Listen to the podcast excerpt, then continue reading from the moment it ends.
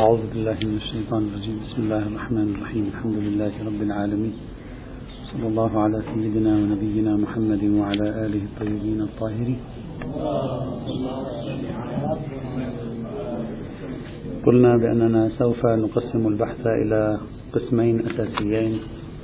القسم الأول في مجموعة من القواعد العامة التي تشكل الإطار المحيط بمسألة الحقوق السياسية للأقليات وهي لب البحث وأساسه والقسم الثاني هو عبارة عن مخرجات تلك القواعد التي بحثناها طيلة هذا الوقت وتطبيقها على ما يتصل بالحقوق السياسية للأقليات الدينية إلى جانب بعض الأدلة الخاصة التي قد ترد في هذا المورد أو في ذاك المورد. في القسم الأول قلنا سوف نتكلم عن سلسلة من المحاور الأساسية تكلمنا عن مجمل هذه المحاور باستثناء بقية واحدة. تحدثنا عن قاعدة الحرابة والسلم تحدثنا عن قاعدة العلو أو نفي السبيل تحدثنا عن مبدأ تأليف القلوب أو أصالة الكراهية تحدثنا أيضا عن القضايا المتصلة بقاعدة العدل أو بقاعدة الإحسان أو بالقاعدة الذهبية أو بقاعدة الكرامة وغير ذلك من سلسلة القواعد التي تقع على صلة بموضوع بحثنا تارة على صلة قريبة وأخرى على صلة بعيدة. في الحقيقة لو أردت أن تقسم سلسلة المحاور التي درسناها حتى الآن فهي على قسمين. محاور كلية عامة تتصل بروابط وعلاقات الإنسان بالإنسان ومحاور خاصة تتصل بعلاقات الإنسان بالآخر الديني مثلا قاعدة الكرامة الإنسانية قاعدة العدل والعدالة قاعدة الإحسان. هذه القواعد الثلاث هي من القواعد التي تتصل بالعلاقة مع الآخر مطلق الآخر حتى لو كان داخل الدائرة الدينية. أما مثل قاعدة تأليف القلوب في مقابل مبدأ الكراهية أما مثل قاعدة العلو أما مثل قاعدة حفظ الخصوصية في قضية الولاء والبراء وما شابه ذلك فهذه عادة من شؤون القواعد التي تحدد العلاقة مع الآخر الديني لا مع مطلق الآخر يعني مع المختلف معي. في الدين بقي بحث أخير وهو من أقرب الأبحاث إلى القسم الثاني الذي سنتعرض له وهو مبحث عقد الذمام. عقد الذمة أو الذمام. هذا البحث ألصق الأبحاث بقضية المواطنة في الفقه الإسلامي. إذا أردت أن تبحث موضوع المواطنة في الفقه الإسلامي ألصق بحث يواجهك هو مسألة عقد الذمة. كيف ينظر الإسلام إلى الأقليات الدينية أو إلى الآخر الديني الذي أملك تفوقا بالنسبة إليه في جغرافيا معينة. يقع تحت سلطاني وتحت دائرة حكمي ونفوذي. كيف يتعامل معه؟ كيف يقرأه؟ ما هي العلاقة بيني وبينه؟ بأي شكل؟ بالمفهوم السياسي للكلمة نتكلم هنا. لا بالمفهوم الاجتماعي تتزوج منه لا تتزوج منه نجس أو طاهر هذا بحث في شؤون العلاقات الاجتماعية. نحن لا نبحث فيه إطلاقا وإنما نتكلم في الدائرة السياسية بالمفهوم السياسي القانوني للمسألة. عندما يكون عندنا مجتمع تلتئم فيه أبناء ديانات متعددة وتكون لواحدة من هذه الديانات نوع غلبة وسلطنة كما لو كانت هذه الغلبة غلبة عددية وكان في المقابل أقلية عددية يأتي هذا السؤال. ما هو موقع ذلك المحكوم المغلوب؟ أو, أو ما هو موقع تلك الأقلية من النظام السياسي؟ ما هو موقعهم من الهوية السياسية للمجتمع؟ ما مصيرهم؟ ما هو دورهم؟ من هم أصلا؟ كيف كيف أقرأهم أصلا؟ هذا موضوع مهم للغاية وضروري للغاية. في عصرنا الحديث نشأت فكرة المواطنة. فكرة المواطنة التي تتكلم عن شعب أرض مصالح مشتركة في يعيشون معا سوية. هؤلاء عاشوا جيلا بعد جيل. هؤلاء هم الأولى بهذه الأرض وكلهم مواطنون في هذا البلد. هذه المواطنة دائمة أصلية وقد تأتي مواطنة مكتسبة. شخص يأتي إلى هذا البلد يعيش خمس سنوات عشر سنوات فيعطى جنسية فيصبح مواطنا لكنه تحول إلى مواطن بجنسية مكتسبة وليس بجنسية أصلية. وفيما بعد تلحقه حقوق وبشكل تدريجي يصبح حاله كحال سائر المجنسين بحسب اختلاف قوانين البلدان في العالم اليوم. الآن إذا أردت أن أطبق هذه الفكرة ضمن إطار ديني كيف أقرأها؟ يعني مثلا دعوني أبسط الموضوع. في مجتمع فيه 90% مسلمين ويوجد 10% من المسيحيين أو اليهود مثلا أو المسيحيين واليهود معا. هؤلاء المسيحيون واليهود فيما يتعلق بوضعهم الحقوق القانون السياسي من هم؟ هل هم مواطنون؟ الآن إذا سألتك أنا الفقه الإسلامي يعتبرهم مواطنين أو لا؟ مواطن بالمعنى السياسي للكلمة يعني يحق له أن يشارك في تقرير المصير هو جزء من هذا البلد لا فرق بينه وبين سائر الناس المنتمين إلى ديانات مختلفة هو مثل بقية الناس كونه مختلفا عنك في ديانته لا يغير من مواطنيته بالمعنى الحديث للكلمة شيئا هل هذا موجود في الفقه الإسلامي؟ هل الفقه الإسلامي يقول بأن هؤلاء مواطنين؟ وإذا قال بأن هؤلاء مثلا مواطنون هل يقول بأنهم مواطنون من الدرجة الأولى أو مواطنون درجة ثانية أو ما شابه ذلك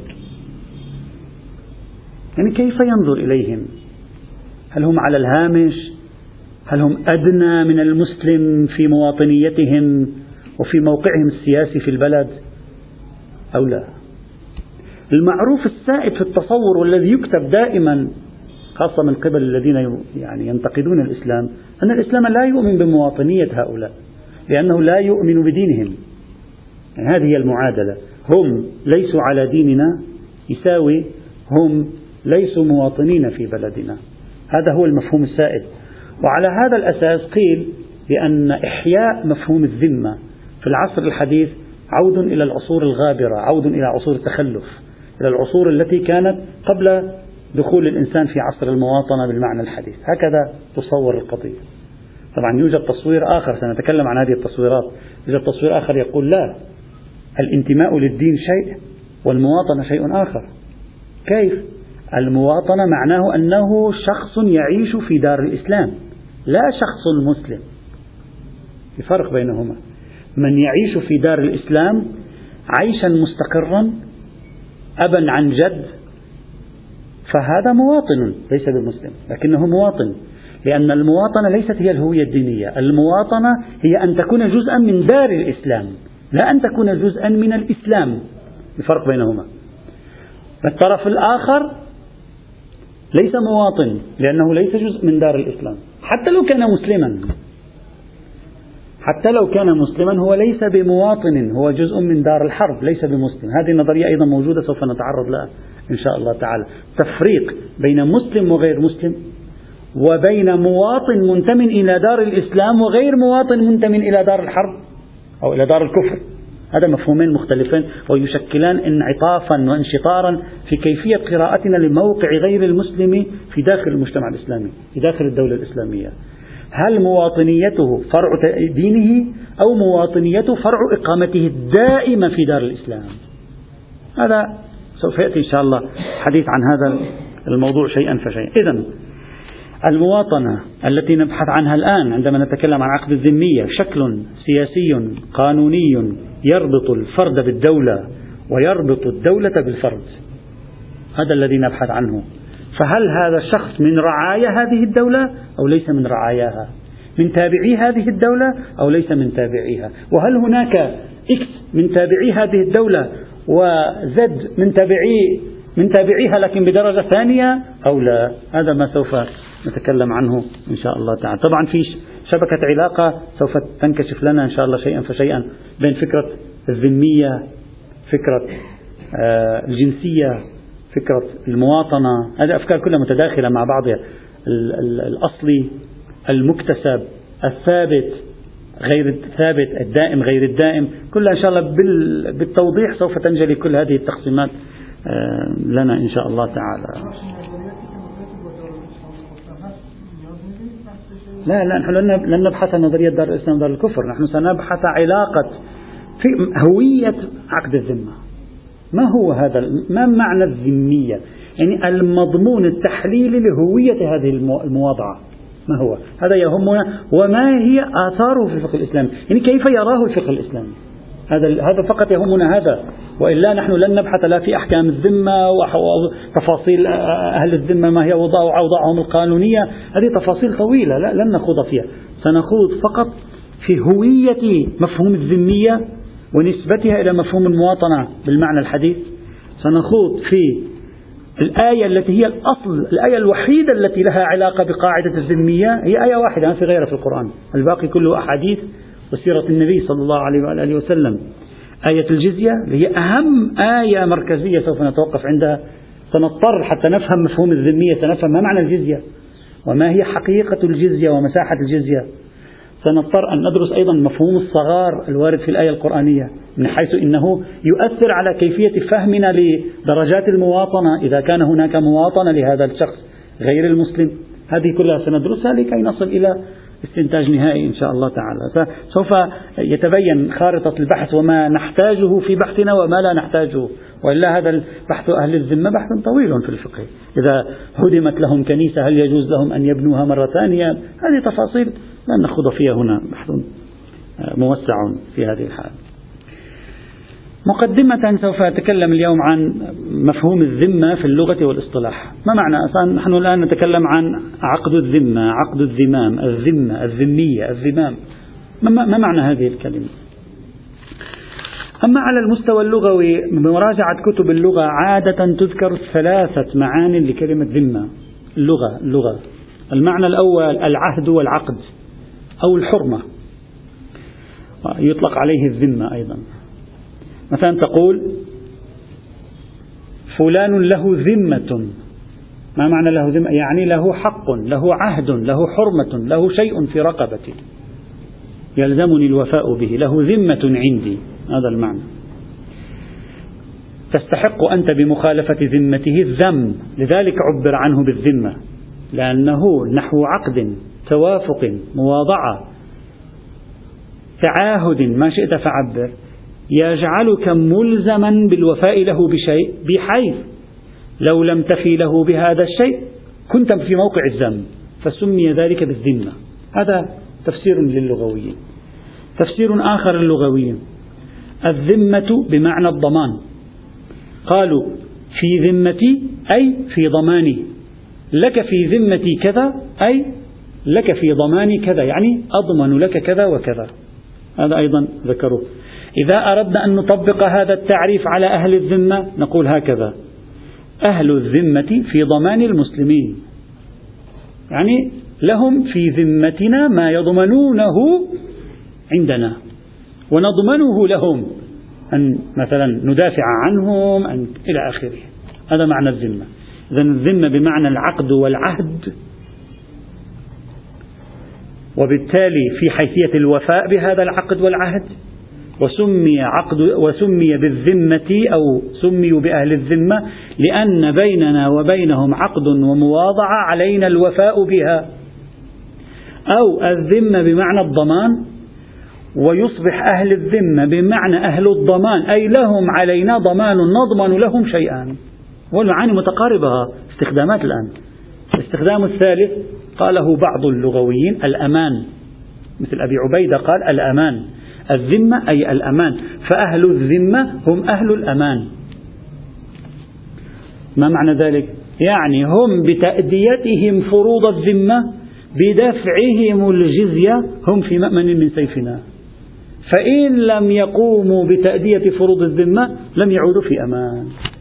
فربط مفهوم الذمة بالأمان. هذا تعاريف الكلمات الثلاثة التي قيلت في هذا القرآن في هذا المجال. القرآن بل. لا لا ليست لغة شرعية لغة الذمة الذمة ليست لغة ليست مصطلح شرعي. نحن يوجد معنى فقهي في باب المعاملات اسمه الذمة والعهدة. وما هو الفرق بين الذمة والعهدة؟ موجود هذا. هذا مصطلح فقهي خاص. أما الدلالة اللغوية موجودة في اللغة العربية ليس ليس نعم كلمة الجزية سيأتي أنها هل هي كلمة عربية الأصل أو ليست عربية الأصل؟ سنتكلم عنها إن شاء الله. القرآن لكي نحلل الدلالة اللغوية القرآن الكريم استخدم كلمة ذمة في موضعين في القرآن ولا علاقة لهما بأهل الذمة. يعني الموضعين اللي استخدم القرآن فيهما كلمة ذمة صادف أن لا علاقة لهما يعني لا تتحدثان عن أهل الذمة بل تتحدثان عن أهل الحرب. قال تعالى كيف وإن يظهروا عليكم لا يرقبوا فيكم إلا ولا ذمة. يرضونكم بأفواههم وتأبى قلوبهم وأكثرهم فاسقون. اشتروا بآيات الله ثمنا قليلا فصدوا عن سبيله إنهم ساء ما كانوا يعملون. لا يرقبون في مؤمن إلا ولا ذمة. وأولئك هم المعتدون. هذه مطلع سورة التوبة الآية الثامنة إلى الآية العاشرة. المقصود هنا واضح يعني لا يرقبون في مؤمن عهدا. أي لا يراعون عهدا ولا, ولا تعاقدا. لا يراعون وفاء وقيل إلا بمعنى الحلف من الله. يعني لا يراعون قسما ولا يمينا ولا يراعون عهدا ولا وفاء أصلا هذا المراد من هذه الآية القرآنية. فبتكون كلمة ذمة قريبة لمفهوم الوفاء لمفهوم الالتزام. لذلك في تحليل الشخص وهو ظن لا أدعي اليقين به أن الكلمة ترجع في كل استخداماتها ليس إلى الأمان. ليس إلى العهد وليس إلى الضمان. وهذه تطبيقات لجوهر الكلمة في اللغة العربية. إنما ترجع إلى المسؤولية. أي لا يرقبون فيما هم مسؤولون عنه تجاهكم. ثمة مسؤولية ما تجاه الآخرين هذه المسؤولية هم لا يراعونها. هل هذه المسؤولية قد تأتي من ضمان؟ بسبب ما من أسباب الضمان. هذه المسؤولية قد تأتي من عهد قد تأتي من عقد قد تأتي من توافق. هذه المسؤولية قد تأتي من حرمة أصلية ثابتة للطرف الآخر. أيما كان فتقول له في ذمتي كذا أي له في مسؤولي أنا مسؤول تجاهه بكذا وكذا. وهذا المعنى الكلي ينطبق للاستخدام في جميع الموارد التي ذكروها لغويا بل حتى التي في الاصطلاح الفقهي أيضا لأنها تكون مصداقا حينئذ للكلمة. إذا الجامع لا نريد أن نبحث تحليل لغوي هنا. الجامع بين استخدامات هذه الكلمة في كلمات اللغويين في الاستخدامات القرآنية وغير القرآنية هو المعنى التالي. له في ذمتي كذا أي أنا مسؤول تجاهه بشيء ما. هذا الجامع هل هذا الشيء الما هو أن أعطيه الأمان؟ هذا تطبيق. هذا الشيء الما هو له أمر مالي؟ هذا تطبيق. هذا الشيء الما هو الوفاء بالعهد؟ هذا تطبيق حينئذ. هذا معنى الذمة. بحسب المراجعة اللغوية في هذا المجال. فإذا الذمة هي المسؤولية من هنا لو تابعنا اللغة نرجع إلى مصطلح أهل الذمة.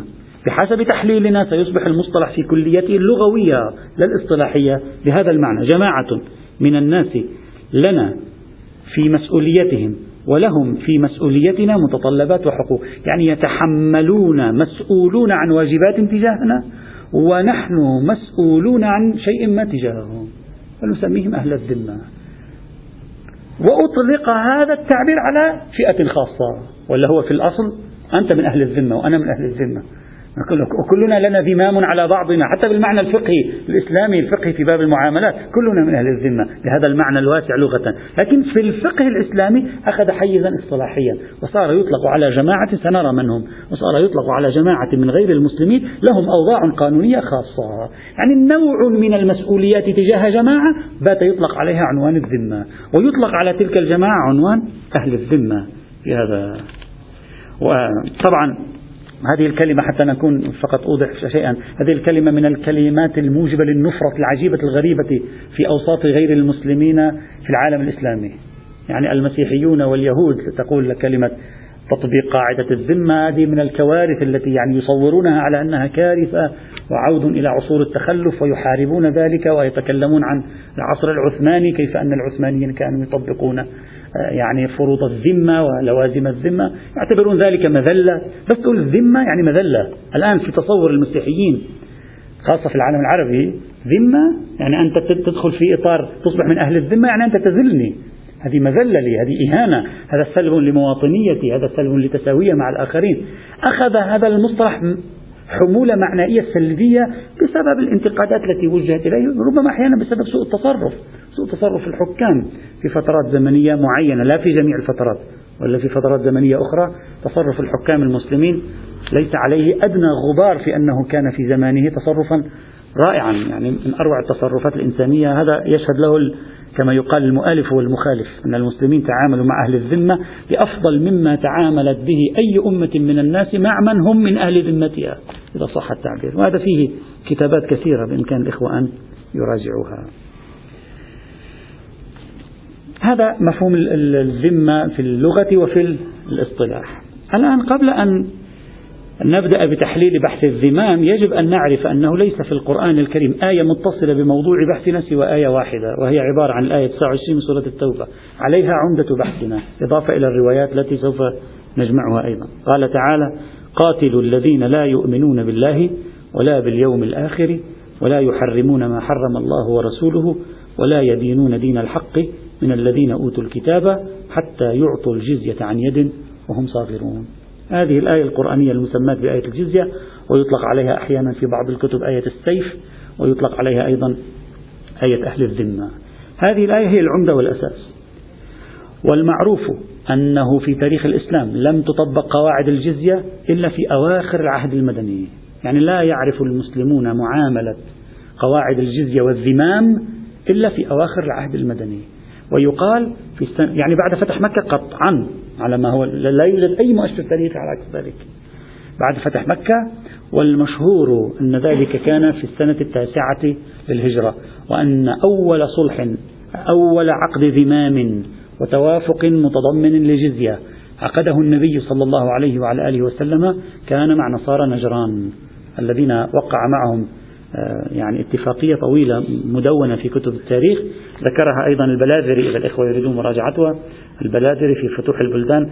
مثلا هذا مقطع منها قال صلى الله عليه وعلى آله وسلم ولنجران وحاشيتها جوار الله وذمة محمد النبي رسول الله صلى الله عليه وعلى آله وسلم على أنفسهم وملتهم وأرضهم وأموالهم وغائبهم وشاهدهم وغيرهم وبعث وغيرهم وبعثهم وأمثلتهم لا يغير ما, ما كانوا عليه ولا يغير حق من حقوقهم وأمثلتهم لا يفتن أسقف في أسقفيته من أسقفيته يعني لا يتعرض للأذى بسبب في أسقفيته ولا راهب من رهبانيته إلى آخر طويلة لا نريد أن نطيل فيها مقطع من المقاطع الشهيرة التي أقرهم النبي على البقاء في. في الجزيرة العربية ثم في عهد أبي بكر جاءوا إلى أبي بكر فأقر توافق النبي معهم ثم بعد ذلك في عهد عمر لما جاءوا إلى عمر قال لا أخرجهم من الجزيرة العربية. تعرفون يوجد فتوى مشهورة بين الفقهاء المسلمين آه، بلزوم إخراج المشركين من جزيرة العرب وبعضهم قال بلزوم إخراج مطلق الكافرين من جزيرة العرب. أنا كتبت بحثا في موضوع جزيرة العرب وهل يجوز لغير المسلم أن يدخل جزيرة العرب أو أن يستقر في جزيرة العرب؟ كتبت بحث مفصل وهناك طرحت تحليل بعد أن ناقشت الأدلة تحليل أن هذه الفكرة جاءت تبريرا لسلوك عمر بن الخطاب مع غير المسلمين في الجزيرة فإن عمر بن الخطاب اتخذ مسيرة سياسية مع غير المسلمين في الجزيرة العربية اختلفت عن سلفه أبي بكر واختلفت أيضا عن رسول الله صلى الله عليه وعلى آله وسلم. أخرج يهود خيبر وكانوا في زمن النبي وبقوا وأخرج نصارى نجران وكانوا في زمن النبي وبقوا. ولذلك طرحت احتمالا أن بعض الروايات التي بثت فيما بعد ربما تكون جاءت لتبرير سلوك آه، يعني عمر بن الخطاب فيما فعل في سياسته مع الأقليات الدينية في شبه الجزيرة العربية. إلى آخر الكلام. على أي حال. مقال حول إخراج المشركين إخراج غير المسلم من جزيرة الجزيرة العربية موجود في كتاب دراسات الفقه الإسلامي المعاصر. هناك أنا توصلت إلى أنه لا يوجد حكم من هذا القبيل. تعرفون بعض الفقهاء لديه تحفظات شديدة سنة وشيعة. ممنوع يدفن وإذا دفن يخرج. حتى ممنوع يزور الجزيرة العربية ممنوع يزورها. وإذا مات أثناء زيارتها يخرج جثمانه واختلفوا في ما هي الجزيرة العربية. هل هي الحجاز؟ وهل هي أوسع من ذلك؟ اختلافات كثيرة في هذا الموضوع. الشيء الثابت بالقدر المتيقن بصرف النظر عن المناقشات هو الحرم. حرمة دخول غير المسلمين إلى الحرم الشريف. أما غير ذلك فكله محل نقاش لا بعض الفقهاء يناقش في ذلك. سيد الخوي أيضا أيضا لديه يستشكل في في أنه يوجد عندنا حكم بلزوم إخراج غير المسلمين من جزيرة العرب.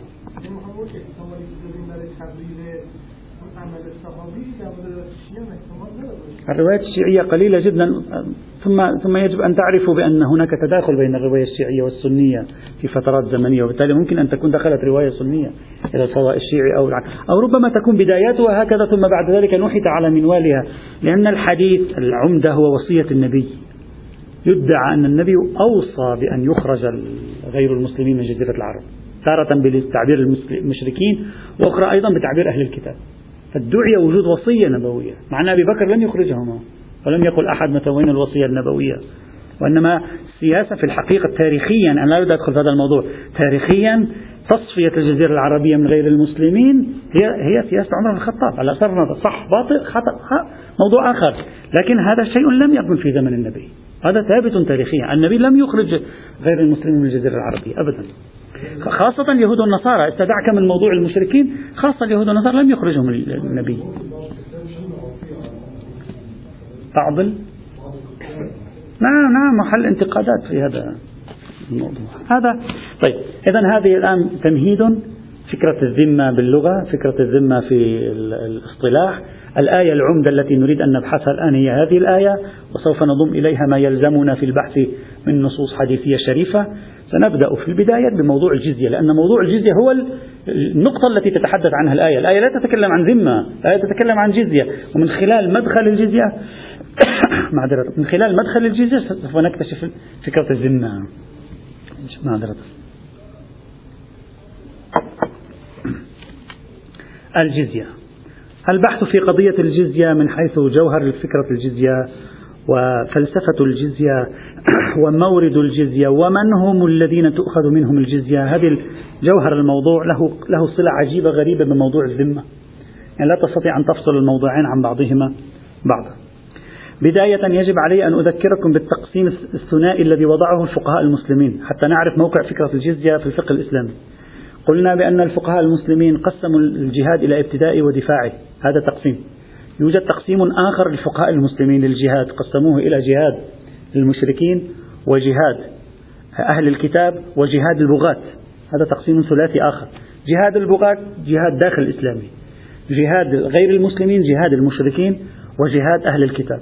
في جهاد المشركين قالوا الحرب معهم إلى إما أن يسلموا أو يقتلوا. انتهى. لا يوجد حل آخر. أما جهاد أهل الكتاب فثلاث خيارات كما هو المشهور من فقهاء المسلمين. إما أن يقتلوا وبالتالي إذا قتلوا تسبى نساؤهم وتسترق نساؤهم وأطفالهم. هذا معنى يقتلوا قتلوا أو هذا قتلوا. أو يسلموا أهلا وسهلا بهم في الإسلام هم وذراريهم أو يدفعوا الجزية. فإن دفعوا الجزية فدفع الجزية تحرير لأنفسهم من شيئين. في الحقيقة دفع الجزية تحرير لأنفسهم من القتل على رجالهم ومن الاسترقاق والعبودية على نسائهم وأطفالهم. هذا الفقه الإسلامي الفكرة السائدة في الفقه الإسلامي هذه. وبالتالي دفع الجزية في مقابل ماذا؟ الآن هذه الفكرة المركوزة. دفع الجزية في مقابل النجاة من الموت يعني البقاء في الحياة والبقاء في الحياة أحرارا. خلي في بالك هذا مفهوم له جزئين. جزء منه النجاة من الموت والجزء الثاني البقاء حيا حرا طليقا ما أحد يستعبدك أصلا. في مقابل أن تدفع الجزية. هذه فكرة الجزية الأصلية الموجودة في الفقه الإسلامي من حيث ارتباطها بمسألة الجهاد. الآن لا أريد أن أقول فكرة الجزية مربوطة بالجهاد الابتدائي أو مربوطة بالجهاد الدفاعي هذا بحث يأتي. أنا بعدين سنرى تشابك علاقة فكرة الجزية مع فكرة الجهاد. وسنرى النتائج التي تخلص إليها أنت في بحث فقه الجهاد تترك أثرا على حدود موضوع الجزية كما سوف نرى. لكن في الفقه الإسلامي هكذا. المعروف في الفقه الإسلامي أن الجزية لا تؤخذ من غير أهل الكتاب. هذا المعروف. لا تؤخذ من غير الكتاب. لأنهم قسموا قالوا المشرك وأهل الكتاب. وفي الحقيقة باعتبار أن السائد هو المشرك التقسيم الحقيقي هو أهل الكتاب وغير أهل الكتاب. يعني حتى لو واحد ملحد هذا يلحق بالمشركين. وعندما جاءوا لتعريف أهل الكتاب قالوا المتيقن منهم المسيحيين واليهود واختلفوا في المجوس والصابئة. فبعضهم قال المجوس من أهل الكتاب وهذا كثير في عند الفقهاء. يذهب إليه كثير. وبعضهم قال المجوس ليسوا من أهل الكتاب وإنما نعبر عنهم بمن له شبهة كتاب لا نقول عنه أهل الكتاب. نقول من له شبهة كتاب كما هو مثلا نص المحقق الحلي في كتاب الشرائع والذي عليه درج كثيرون فيما بعد وحققوا هذه القضية. فقسموا داخل أهل الكتاب إلى قسمين إلى أهل كتاب أصلي حقيقي وإلى من له شبهة أهل الكتاب. من له شبهة أهل الكتاب قالوا هو أهل الكتاب حكما وليس أهل الكتاب حقيقة بناء على هذا الرأي. إذا صار عندنا رأي يقول أهل الكتاب يهود نصارى مجوس صابئة هذا رأي أول. رأي ثاني يقول أهل الكتاب يهود ونصارى ويوجد غيرهم نطلق عليهم اسم من له شبهة كتاب. هذا الذي له شبهة كتاب حكمه حكم أهل الكتاب وإن لم يكن من أهل الكتاب إطلاقا كما ذكره المحقق الحلي. يوجد رأي ثالث وهو موجود أيضا في الوسط الشيعي وإن كان هذه الآراء نادرة هذا الرأي الثالث نادر. يفهم هذا الرأي مما يقوله العلامة الحلي في مختلف الشيعة ناسبا إلى ابن أبي عقيل العماني. حيث يقول بأن أهل الكتاب اليهود والنصارى وبالتالي يقول علام الحلي يفهم منه أن المجوس مشركون. أن المجوس مشركون. فبالتالي لا لا يوجد شيء اسمه شبهة كتاب. انتهى موضوع شبهة كتاب. إذا عمليا صار عندنا ثلاث آراء. أهل الكتاب يهود والنصارى ولا غير. وبالتالي المجوس والصابئة مشركين. طبق عليهم حكم المشركين. لا دخل لهم بالجزية. الرأي الثاني أهل الكتاب أعم من الأربعة خاصة المجوس. لأن الصابئة فيه نقاش آخر. رأي ثالث أهل الكتاب الاثنين ومن له حكم أهل الكتاب يسري إلى الأربعة لا أقل المجوس. هذه الصورة الفقهية والمشهد الفقهي الموجود في الفقه الإسلامي. طيب. السؤال الأصلي الآن. هل آية الجزية تجعل الجزية في أهل الكتاب أو لا؟ الآن نحن قرأنا آية الجزية للوهلة الأولى شفناها سهلة واضحة. الآن سنبدأ بها بعد هذه السهولة ستغدو صعبة. طيب. من أين جاء هذا المستند التفصيلي الذي ذكره الفقهاء المسلمون؟ أن أهل الكتاب. جزية. آه إسلام قتل. وغير أهل الكتاب قتل أو إسلام. منين إجا هذا؟ كيف تركب هذا المفهوم؟ ثالثا فكرة الجزية. ما علاقة بفكرة الذمية؟ هذا نريد أن نفهمه. ما علاقة فكرة الذمية؟ وبالتالي ما علاقة فكرة الجزية بمفهوم المواطنة واحدة واحدة سنمشي. إذا بحثنا الآن سوف يكون في تحليل مفهوم الجزية وحدود الجزية وحقيقة الجزية وتأثير مفهوم الجزية على موضوع المواطنة والذمية. وسأقسمه إلى عدة نقاط. النقطة الأولى الجزية في اللغة والإصطلاح والتاريخ. أكثر اللغويين قالوا الجزية لفظ عربي أصيل. وأن مصدر هذا اللفظ هو الجزاء. جزى يجزي مثلا جزاء جزية. سهلة. تركيبة سهلة. لا توجد فيها مشكلة. ولكن بعض الباحثين خاصة في العصر الحديث واشتهر من بينهم شخصان جورجي زيدان جورجي زيدان أحد أشهر الكتاب العرب الذين كتبوا في التاريخ في القرن العشرين. وشبل النعماني. هذان الشخصان قالوا أصل كلمة الجزية فارسي وهو فارسي المعرب وليس كلمة عربية. واستدلوا على ذلك بشواهد خاصة شبل النعمان. من هذه الشواهد قالوا العرب ليس العرب قبل الإسلام ليس عندهم مصطلحات فيها إشارة للسلطة والمدنية والحضارة لأن ليس عندهم امتلاء في هذا الموضوع. مثلا كلمة وزير ما عندهم العرب كلمة وزير. عندهم كلمة وزير لكن وزير بهذا المعنى الذي أنت تفهمه ما موجود. وزير يعني مساعد. لكن وزير لما تطلقها تفهم منها هذا المعنى ما موجود. مثلا قالوا كلمة وزير ما موجود عندهم. توقيع إمضاء. توقيع ما موجود عند العرب قبل الإسلام لأنه ما في شيء اسمه توقيع شو هذه من شؤون السلطة من شؤون المدنية والحضارة. العرب لم يكونوا كذلك.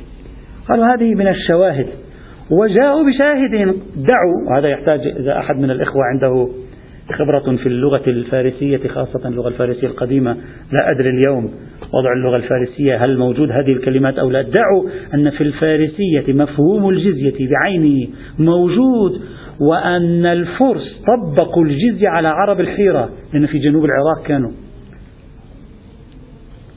النعمان. هؤلاء بني النعمان كانوا في جنوب العراق وهم عرب أقحاح وكانوا تحت سلطة الفرس. والفرس كانوا يأخذون منه الجزية.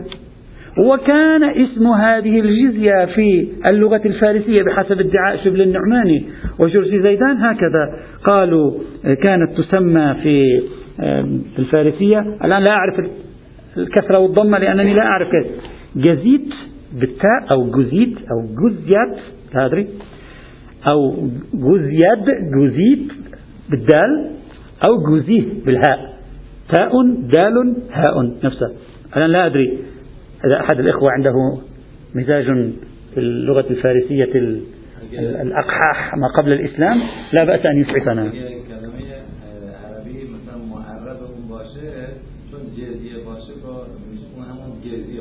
نعم نعم. هو هكذا دليلهم. نعم نعم.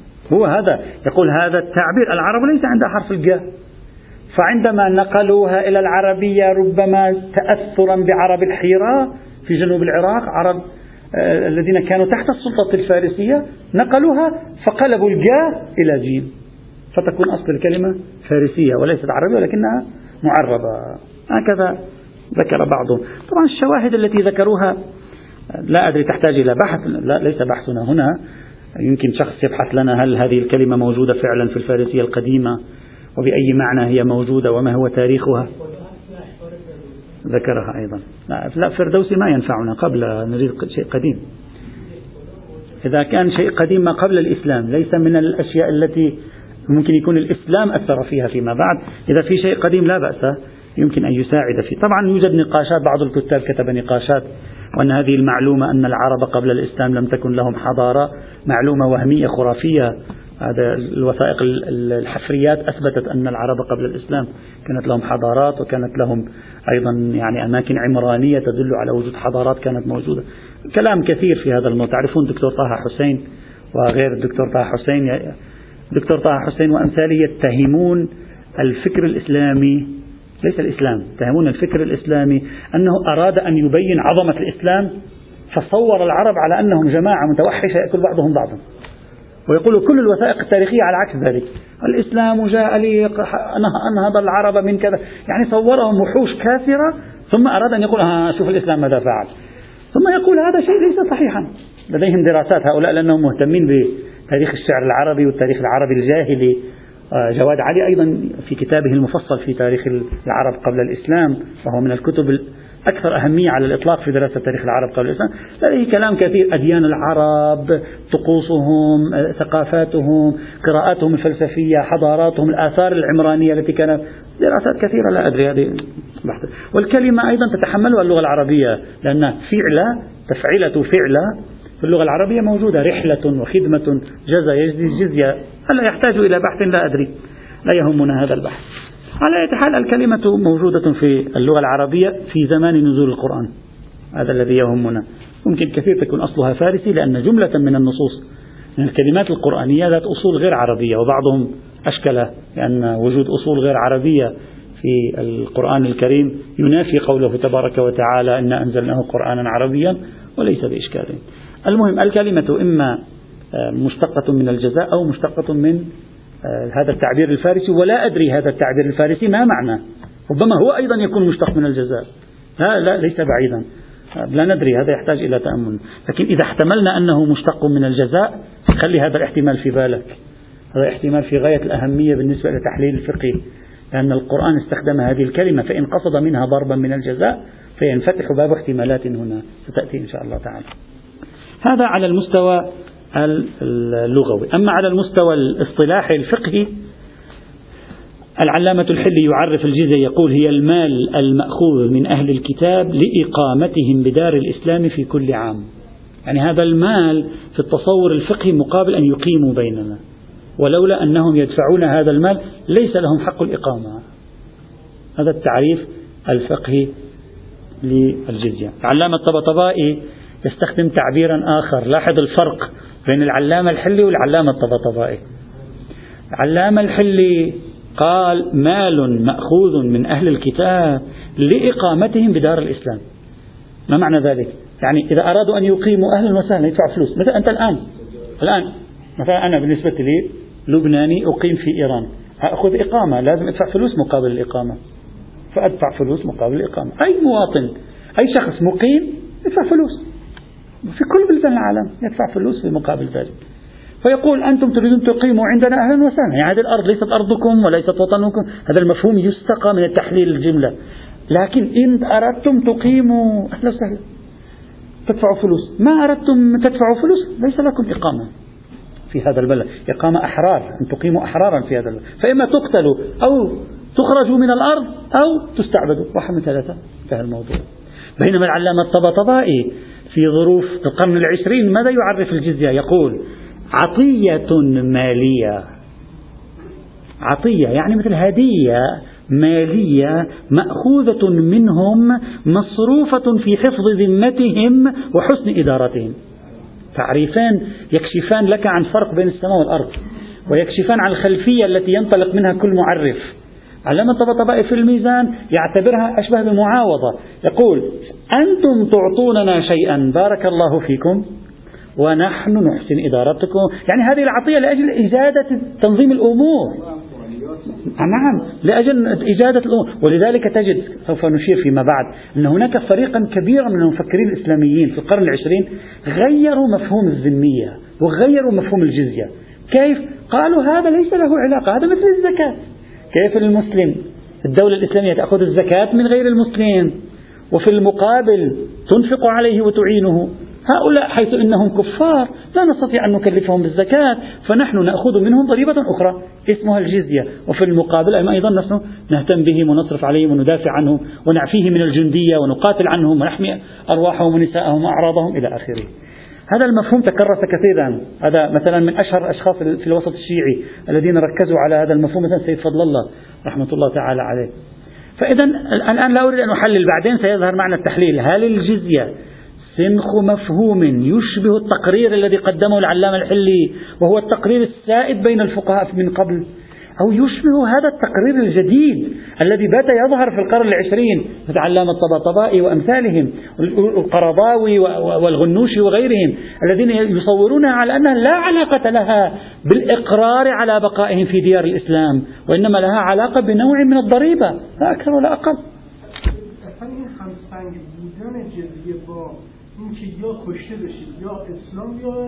یا که ما شما اداره کنیم آه.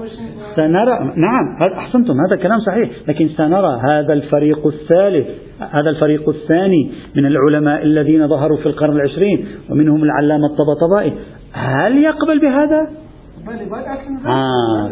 فلذلك نقول يجب أن نرجع إلى جذور هوية فكرة الجزية والذمام لنعرف تحليلها في النص القرآني والحديثي وخاصة فكرة الجزية والصغار بعدين ننتقل إلى معنى آخر.